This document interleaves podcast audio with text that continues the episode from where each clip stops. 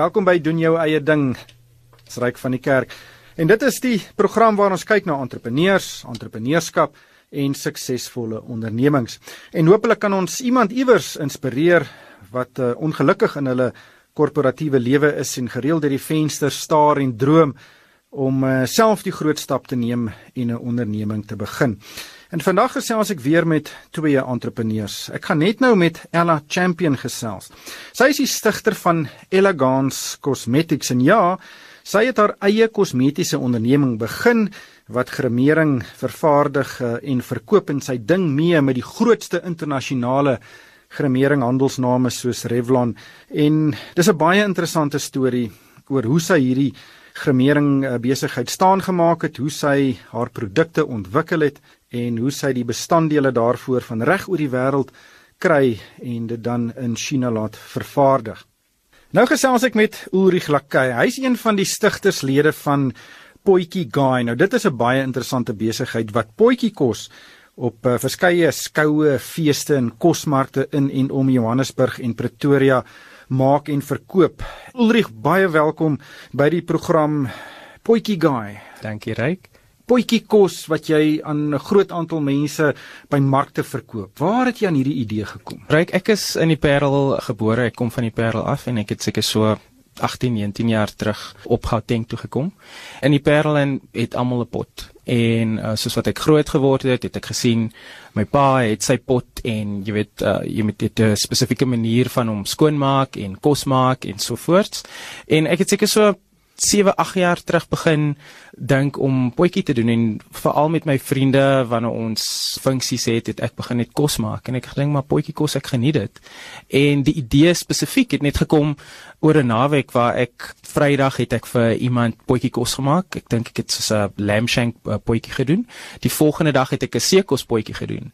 En ek het die maandag net begin dink, maar weet jy, ek geniet dit en die mense hou van die kos. en dis waar die idee gekom het dat toe Google ek om te kyk wel, is daar mense wat potjie maak en daar was toe nie. Maar jy het toe gewerk vir 'n salaris op daardie stadium. Ek het gewerk vir 'n salaris en soos wat ek sê, dit was 'n Vrydag en 'n Saterdag wat ek toe tyd spandeer om die potjie te maak.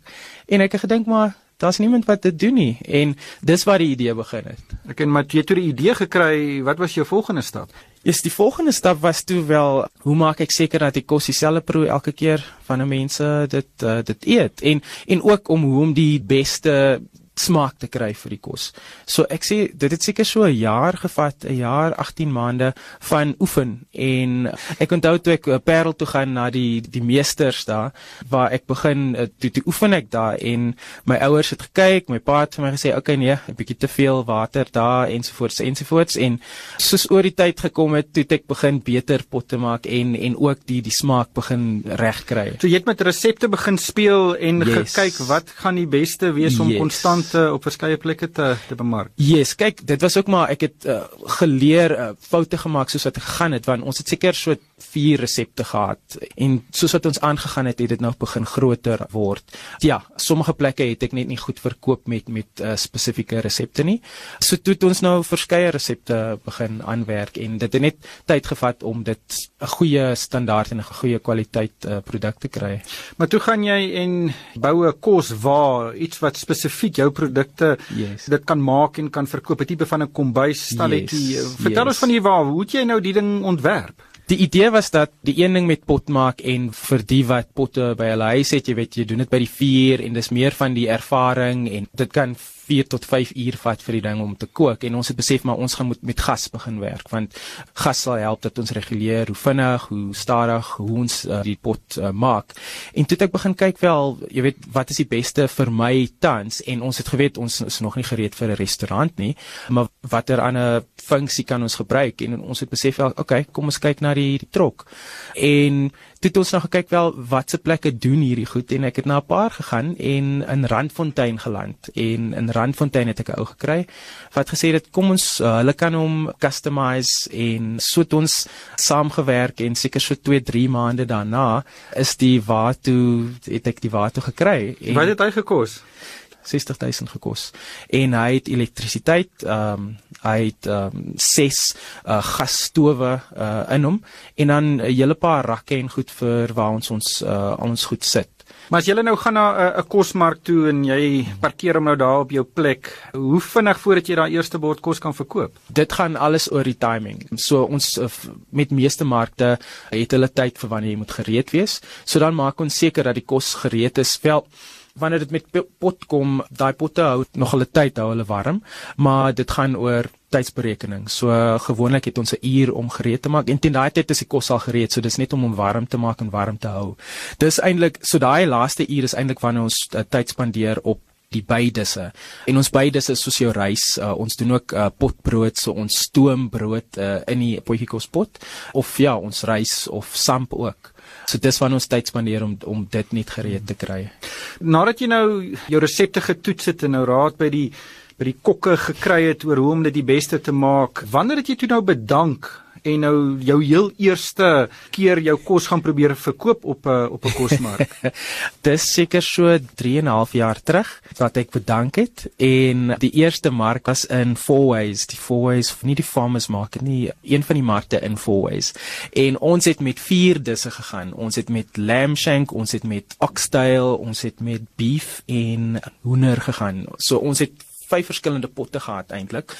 En ek sê jou daai aand het ons verkoop, maar ons het dis ook waar ons ons les geleer het. Ons het baie oxtail verkoop, ons het min hoender verkoop, ons het alright gedoen op die op die die lam. So toe begin sien ons dat okay, jy kan nie en dit het ons seker 'n halwe dag gevat om voor te berei want dis vier verskillende disse en jy weet hulle het verskillende tydsberekenheid wat jy moet tyd wat wat hulle vat om voor, um, gereed te wees. Dis waar ons al klaar ook ons ons uh, lesse geleer het. Het jy geld gemaak daai dag? Ons het geld gemaak, ja. Ja, ons het nie baie nie, maar ons het geld gemaak. Ons kon uh, onkoste dek. So dit was goed. Maar die mense het ons kos geniet want dit was iets anders en uh, dit was 'n mark waar daar ouens is wat burgers, hot dogs, daai tipe goed het, maar mense het na ons nog na ons toe gekom en dit was dit was goed. Maar kyk kosmarkte is eintlik baie interessante dinge. Daar word hierdie baie interessante kossoorte uitgestal, maar ek is ook nou alself by baie kosmarkte en ek het kinders en en hulle gaan altyd vir die vir die worsbroodjie of yeah. die ja. hamburgers uh, yes. en hulle soek die lekker skyfies. Uh, yes. Nou staan jy met potjie kos daar. Hoe sien yeah. Ja. jy hulle as 'n mededinger of 'n uh, alternatief? Hoe dink jy met hulle mee? Kyk, dis 'n alternatief. En wat ons gevind het veral met met die so hoe meer markte ons gedoen het, dat ons het ons mark. Ons het ons 35, 45 ouderdom ouers wat met hulle kinders daar is en ons maak seker dat ons in hulle oë is. So ons maak seker dat die dat hulle die kos kan sien. En ons kry gewoonlik dis gewoonlik of die maans of die paas wat dit oplet en dit sien en dit ryk en dan sê hulle okay nee, ons gaan met die kinders eers gou uh, skyfies kry wat ook al en dan wanneer hulle terugkom dan kom hulle gewoonlik. En ons het een of twee markte so waar dan kom die ouers met die ouers se pelle en dan kom koop hulle van ons ook. So is dit dis ook maar hoe ons stadig maar seker begin met die mededingers vir met mense werk. Ja, ek sien hulle nie as uh, 'n mededinger nie. Ek bedoel sommige mense geniet dit en dis fyn. Ons is bly oor ons produk en mense geniet die produk en dis dis wat vir ons werk. Maar hierdie kosmarkte en skoue is gewoonlik net oor naweke aan die gang. Mm -hmm. Wat doen jy van maandag tot vrydagoggend? so ek doen private funksies nie elke dag nie. Ek het ook 'n ander besigheid wat ek uh, wat ek hardloop. So ek het so private funksies twee keer 'n week sou ek sê en dan die res van die tyd is dan tussen my my ander besigheid. Dis ook dan naweke waar die potjie kos weer inkom. Wat ek nou met tans doen of die afgelope 4, 5 maande is om eintlik aan te werk aan projekte waar ons potjie guy eintlik gaan inkry in besigheidsparke. Dis waar ons vind nou die volgende stap is om om ons groter te kry want ons die einddoel is om 4 of 5 van hierdie koswaans te hê. So ons werk nou daaraan om ons in hierdie besigheidsparke te kry. Baie mense sal nou dink as mens nou 'n stabiele salarisprys gee om met nou kos of enige produk op 'n op markte of op feeste te verkoop, kan 'n groot uh, sprong wees. Kan mens genoeg geld maak uit sulke markte uit om 'n lewe te maak? Kyk, jy kan en dit gaan net aan die die tipe markte waar jy is en waar jy seker maak dat die markte dat daar 'n groot volg uh, volg is. En dis waar ons oor die jare ook geleer het sommige markte werk vir ons, sommige markte werk nie vir ons nie. Ek sou sê die afgelope 2 jaar is daar nogal 'n groot opkoms met markte en sommige markte is klein, sommige markte is groot en jy moet net seker maak dat jy in die regte mark is waar die ouens wat daar is Hulle is nie hulle wil nie net skyfies en boerewors rolls hê nie en dat dit ja garde is wat kos wil hê tuisgemaakte kos amper. Maar die die toekoms is natuurlik baie interessant vir enige besigheid. Eh, jy het vroeër genoem jy wil dalk uh, meer van hierdie kos waans hê en ja. natuurlik is daar ook seker ruimte vir 'n 'n potjie kos restaurant iewers ja. een van die idees wat ek aan kan dink is miskien om dit te laat aflewer by huise soos met Uber Eats of yes. uh Mr Delivery. Yes. Het jy enige sulke planne? My grootste plan nou is net vir ons om in die besigheidsparke te kom. Sodra as wat ons daar kom, beteken dit dat ons elke dag kos maak en elke dag gereed is vir daai vir Uber Eats. Want met Uber Eats gaan dit oor om een eenheid kos te verkoop. Uh, jy weet een bord kos te verkoop. En vir ons tans uh, maak dit nie finansiëel sin om kos te maak nie, want ek bedoel soos uh, beestert vat 4 ure lank om te kook, 4 en 'n half ure lank om te kook en ons doen dit in 'n groot pot. So om dit dan een bord kos te verkoop en dan die res te vries, jy weet dit dit sal nie sin maak vir ons nie. So totdat ons op 'n groter skaal begin werk en ons in hierdie plekke vestig, kan ons eintlik hierdie dienste gebruik soos Uber Eats. Uh die restaurant, ek het al daaraan gedink. Ek is nog nie gereed daarvoor nie. Ons ons moet eers sien hoe ons op groot skaal werk sodat wanneer daai tyd kom dat ons gereed daarvoor is. Wat het jou familie vir jou gesê toe jy vir hulle gesê het luister ek gaan nou my werk bedank en uh, en en potjie kos maak?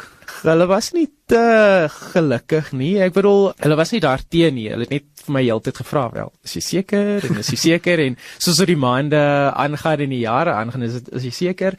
Maar nou Hulle glo daaraan, hulle glo in die produk en dis great.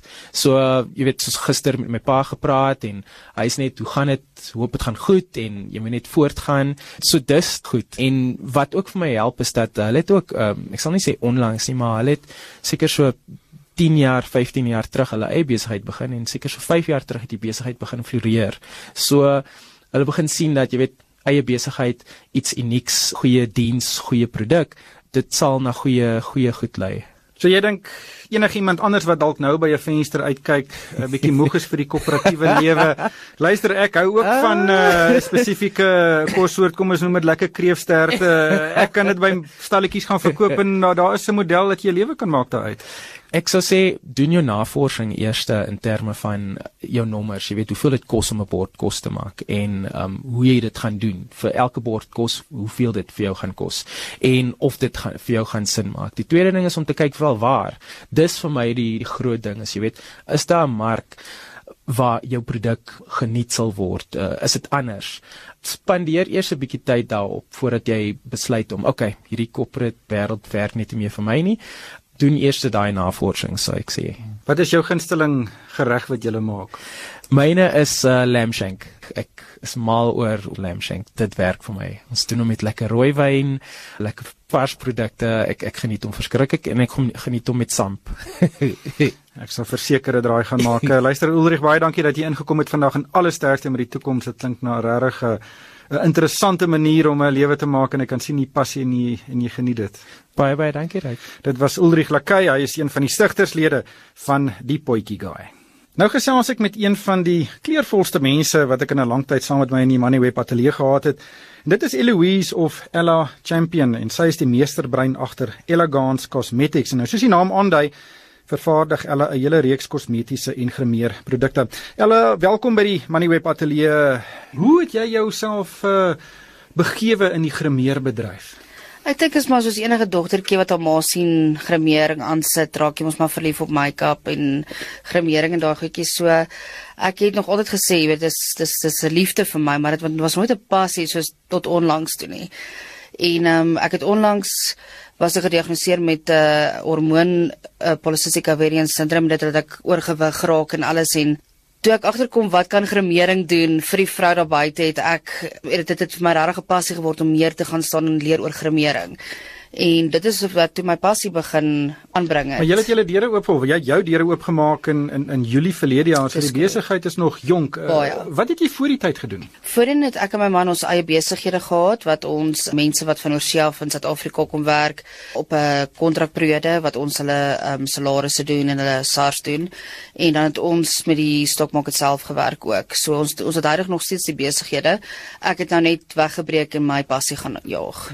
So jy het nou gewerk in hierdie ander twee besighede. Ek neem aan daar's altyd 'n tekort aan hande en toe besluit jy ek gaan nou nog nog 'n besigheid begin in 'n grimeerbedryf of in 'n ja. bedryf wat ek dink baie mededingend is. Baie, dit is baie. Ek meen jy sit met groot name, internasionale name soos Revlon, MAC, daai tipe goederes, maar ek het gegaan en ek gaan kyk wat is ons lokale mark. Jy weet, is dit ons Essence, maar hulle word ook ingevoer en dit is maar 'n kwessie van wat kan ek anders te bied? Wat kan ek beter doen? En ek het net gesê ek wil ek wil vir die hele mark daar buite nasien en ek het net gesê my produkte moet ek wil daai wow faktor hê. Maar dis 'n droom, jy wil daai wow ja. faktor hê, maar dis baie moeiliker om dit van 'n Excel ja. spreadsheet te kry tot ja. mense wat jou produk koop. Dis korrek. Hoe doen jy dit?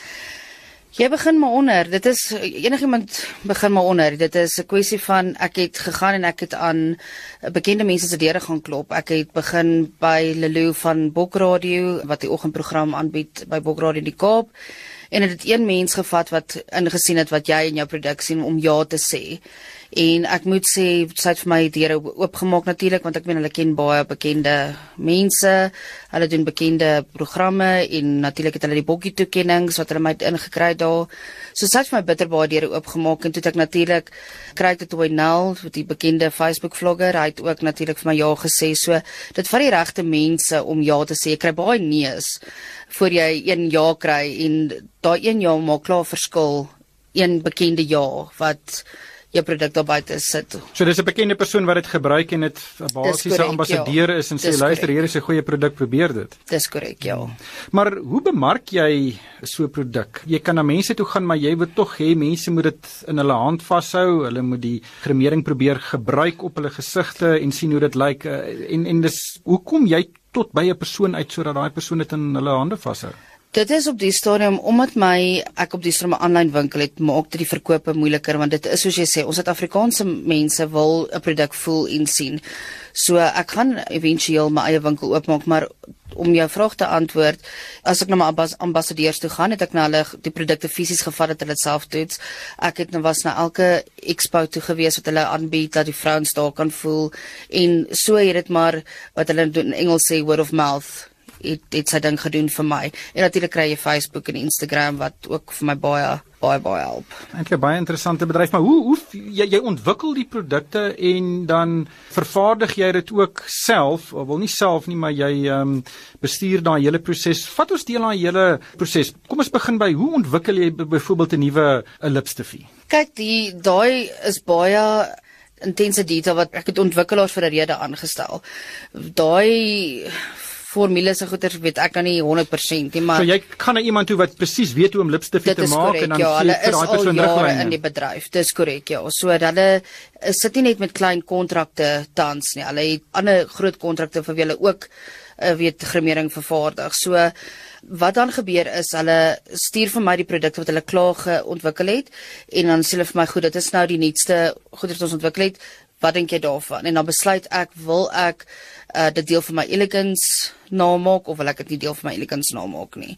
So dit is basies die proses en dan obviously gee hulle vir jou 'n lys met die bestanddele wat hulle gebruik want jy weet om die goederes in te voer in Suid-Afrika en vat nog al 'n proses, weet wat toelaatbaar is en wat nie toelaatbaar is nie. So jy, jy weet alles wat daarin is. Ek weet dit is hulle toets dit nie op diere nie want ek is 'n groot diereaktivis ook.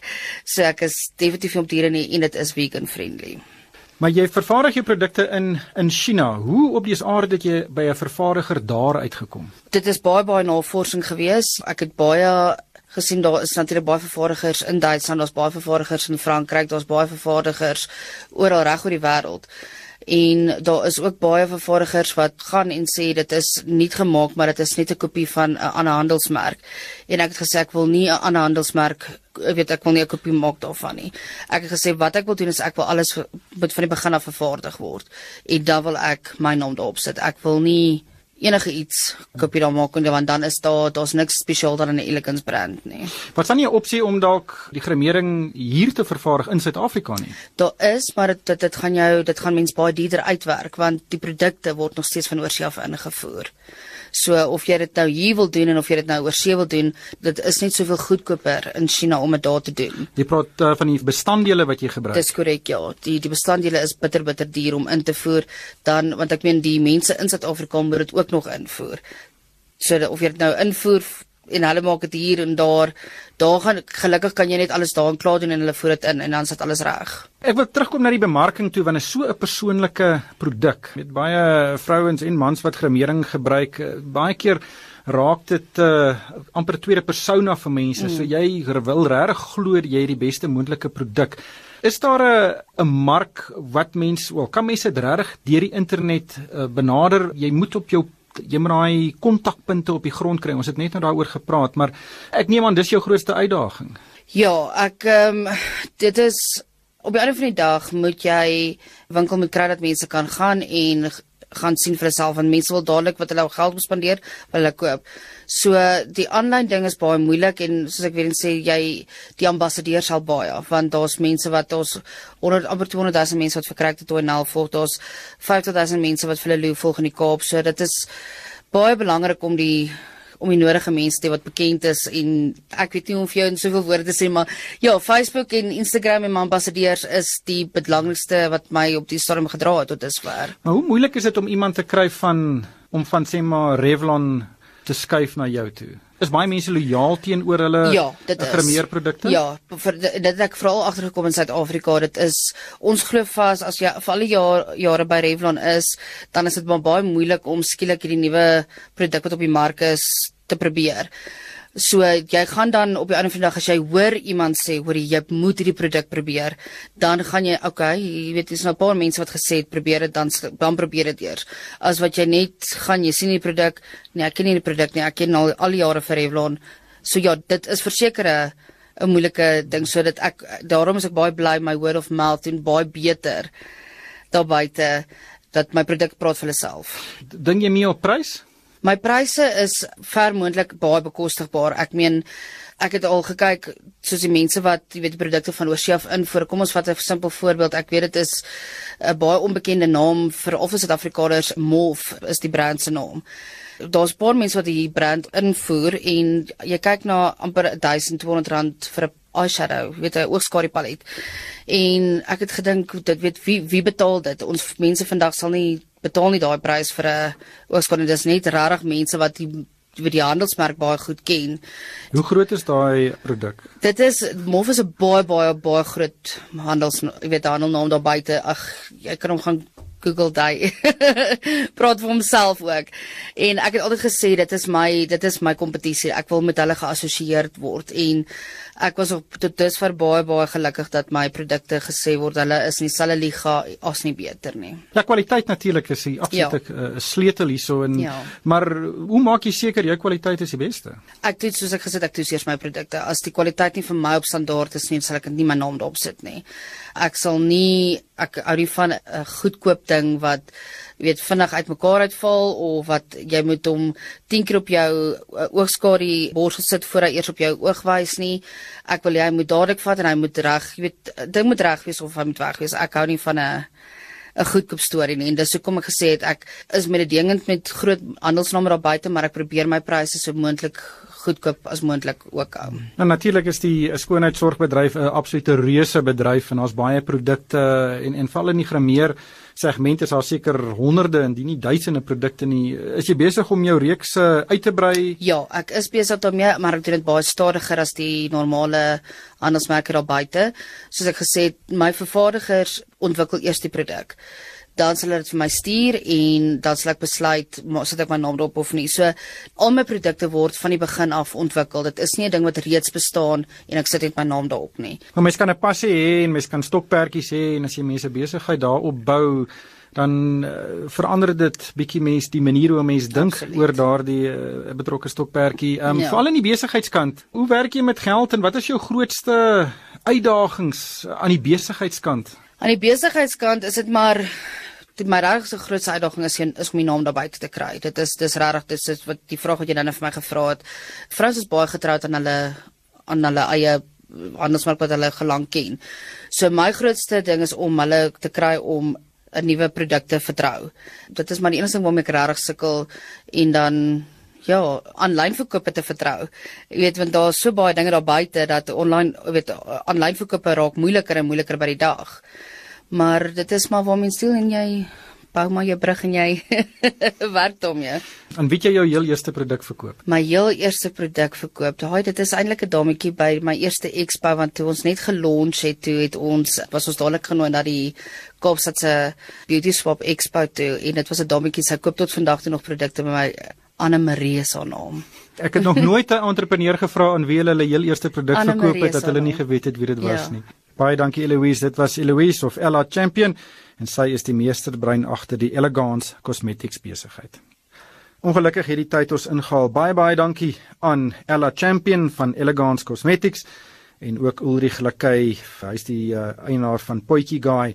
Uh twee baie interessante stories en dankie dat julle julle verhale met ons gedeel het. Maar daarmee moet ons groet van myself Ryk van die Kerk en die Money Web span. Dankie vir die saamluister.